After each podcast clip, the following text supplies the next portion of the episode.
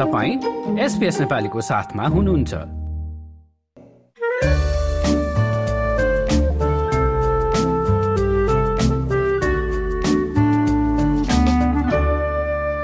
अब धुनु बजेपछि थाहा भइहाल्यो होला मम्माने आमाको पालो भएको छ र आज मम्माने आमा पोडकास्टको तेस्रो भागबाट छोटो अंश लिएर आएको छु जसमा चाहिँ जेस्टेसनल डायबिटिज बारे कुरा गरिएको छ।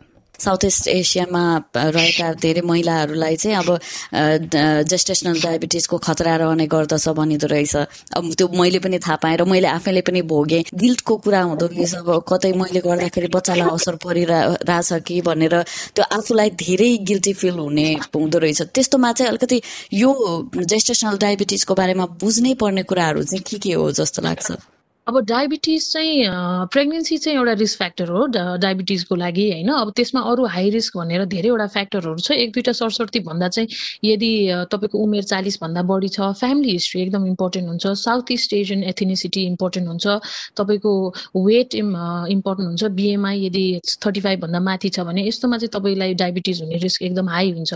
र पोलि पोलिसिस्टिक ओभेरियन सिन्ड्रोम भन्ने अर्को कुरा जुन कमन छ त्यसमा पनि diabetes in pregnancy gestational diabetes जुनलाई भनिन्छ त्यो चाहिँ कमन हुन्छ। यसमा जान्नै पर्ने कुराहरू चाहिँ तपाईँ जब जिपी कहाँ जानुहुन्छ अब प्रेग्नेन्ट आफूले धेरै जस्तोले त घरमा युरिन प्रेग्नेन्सी टेस्ट गरेर पोजिटिभ भएपछि जिपी कहाँ जानुहुन्छ होइन? फर्दर एडभाइसको लागि। बेलामा जाँदाखेरि जुन ब्लड टेस्टहरू गरिन्छ त्यसमा र प्रेग्नेन्सीको दौरानमा पनि गरिन्छ तपाईँको आफ्नो रिस्क फ्याक्टर हेरेर।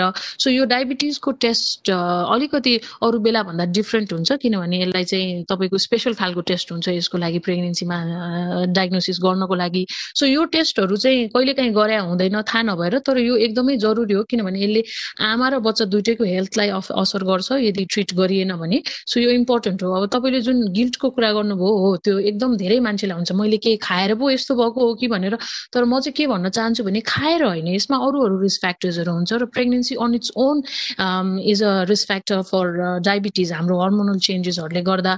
सो अस्ट्रेलियामा चाहिँ एकदमै यसको लागि राम्रो सपोर्ट सिस्टम छ। किनभने तपाईँ जब डायग्नोसिस हुन्छ तपाईँको जेस्टेसनल डायबिटिज तपाईँको एउटा टिम हुन्छ त्यसमा चाहिँ एउटा डक्टर अब जस्तो एन्डोक्राइन एन्डोक्राइनोलोजिस्ट भनिन्छ जसलाई जस्तै डायबिटिजको विशेषज्ञ। उहाँहरू डायटिसियन र सबै ट्रेन मान्छेहरूले चाहिँ तपाईँहरूलाई चाहिँ एडभाइस दिया हुन्छ र खाना के खाने कस्तो खाने के गर्नुपर्छ कसरी यसलाई चाहिँ कन्ट्रोल गर्न सकिन्छ पर्यो भने औषधिहरू जस्तो इन्सुलिन लगाउनु पर्ने हुनसक्छ। कुनै केसेसमा डायटले मात्र भएन भने।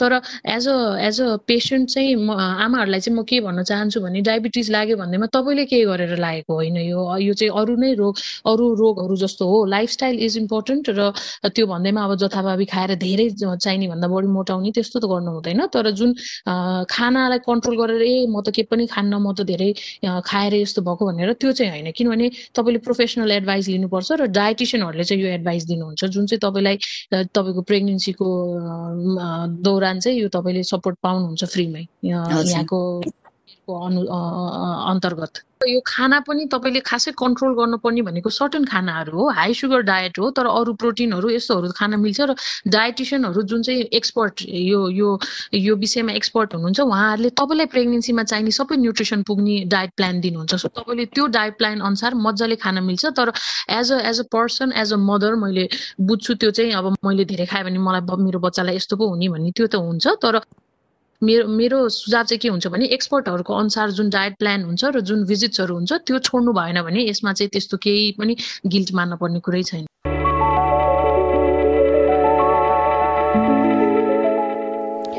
र अब सुनिहाल्नुभयो सिडनीमा रहनुभएकी जिपी सिर्जना शर्माले चाहिँ डाक्टर सिर्जना शर्माले जेस्टेसनल डायबिटिजको बारेमा के भन्नुभयो भनेर होइन? अब तर अब यो पोडकास्टमा अहिले भर्खरै पनि प्रकाशित जुन कुराहरू राखिएका छन् प्रस्तुत जानकारीहरू तथा सल्लाहहरू रहेका छन् ती चाहिँ सामान्य प्रकारका हुन्। अब डाक्टर सिर्जना शर्माले भने अनुसार नै तपाईँको अब व्यक्तिगत अवस्थाबारे उपयुक्त सल्लाह चाहिँ तपाईँले सोही क्षेत्रको विज्ञसँग नै गएर लिनुहोला।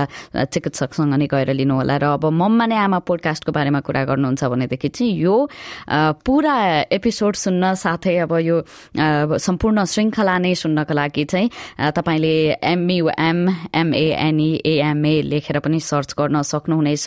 सम्पूर्ण पोडकास्ट प्लेटफर्महरूमा उपलब्ध रहेको छ मम माने आमा